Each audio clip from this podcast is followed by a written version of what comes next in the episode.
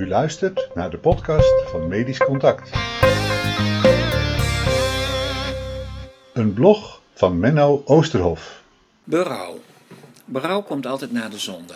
Daar kan ik mee leven. Als iemand al voor de zonde berouw heeft, dan zal hij die zonde meestal wel achterwege laten. Nee, berouw is betreuren dat je iets gedaan hebt waarvan je pas achteraf ziet dat het stom is geweest. Hoe zou dat nou zijn voor politici? Die mensen hebben ook een geweten. Willen die zich nu wel de haren uit het hoofd trekken omdat ze zo dom zijn geweest de jeugdwet aan te nemen? Want de berichten over het mislukken van de transitie jeugdhulp naar de gemeentes liegen er niet om. Extreme bureaucratie, wachtlijsten zelfs voor crisisopnames, privacy als een vergiet, gemeentes die inhoudelijke beslissingen nemen, toegenomen kosten en nog niet een begin van transformatie. Er zullen vast ook beter dingen beter gaan. Als je dermate grote veranderingen invoert, dan moet, het, moet je het al heel raar doen, wil je ervoor zorgen dat echt alles achteruit gaat. er zijn weinig mensen meer te vinden die nog durven beweren dat het succesvol verloopt. Wat kun je doen als je misser hebt begaan? Ontkennen dat het een misser is. De tekortkomingen van de huidige situatie zijn echter zodanig dat dat geen houdbare positie is. Meer kans op succes heb je met erkenning dat het nu weliswaar niet best is, maar niet erkennen dat het sowieso niks is. Dan noem je het kinderziektes, aanloopproblemen en weet ik wat al. Van deze mogelijkheid wordt al volop gebruik gemaakt. Een variant daarvan is: we kunnen niet meer terug. De vraag hoe erg het is en hoe dom het is geweest, wordt daarbij uit de weg gegaan door te wijzen op de onomkeerbaarheid.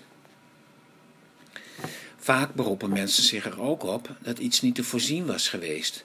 Het is inderdaad waterloos, maar het had zo mooi kunnen zijn. De plannen waren geweldig.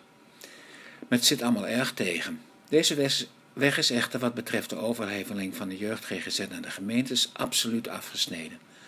Wat er nu gebeurt is allemaal tot in detail voorspeld. Werkelijk elke organisatie met inhoudelijke kennis heeft in alle toonaarden gewaarschuwd tot de Koninklijke Nederlandse Academie van Wetenschappen toe. Het heeft mij destijds zeer verbaasd waar 75 Eerste Kamerleden de euvele moed vandaan haalden om zonder veel kennis van zaken een wet aan te nemen waar zoveel verzet tegen was vanuit deskundige hoek. Als laatste restte de koninklijke weg, spijt en berouw tonen. We hebben het onderschat, we hebben niet geluisterd, dat was dom van ons. Als ik maar stamelend begin daarvan zou horen, dan ben ik de eerste om de hand over mijn hart te strijken en te zeggen: geef niet, het was goed bedoeld, volgende keer wel naar deskundigen luisteren. Zullen we dat afspreken? En zullen we dan nu kijken hoe we deze puinhoop kunnen herstellen? Een snotterig ja zou voldoende zijn om mijn vertrouwen in de politiek, nou dat misschien niet, maar wel in de mensheid te herstellen.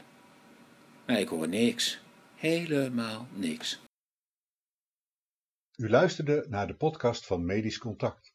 Wilt u op de hoogte blijven? Abonneer u gratis. Ga naar medischcontact.nl/podcast.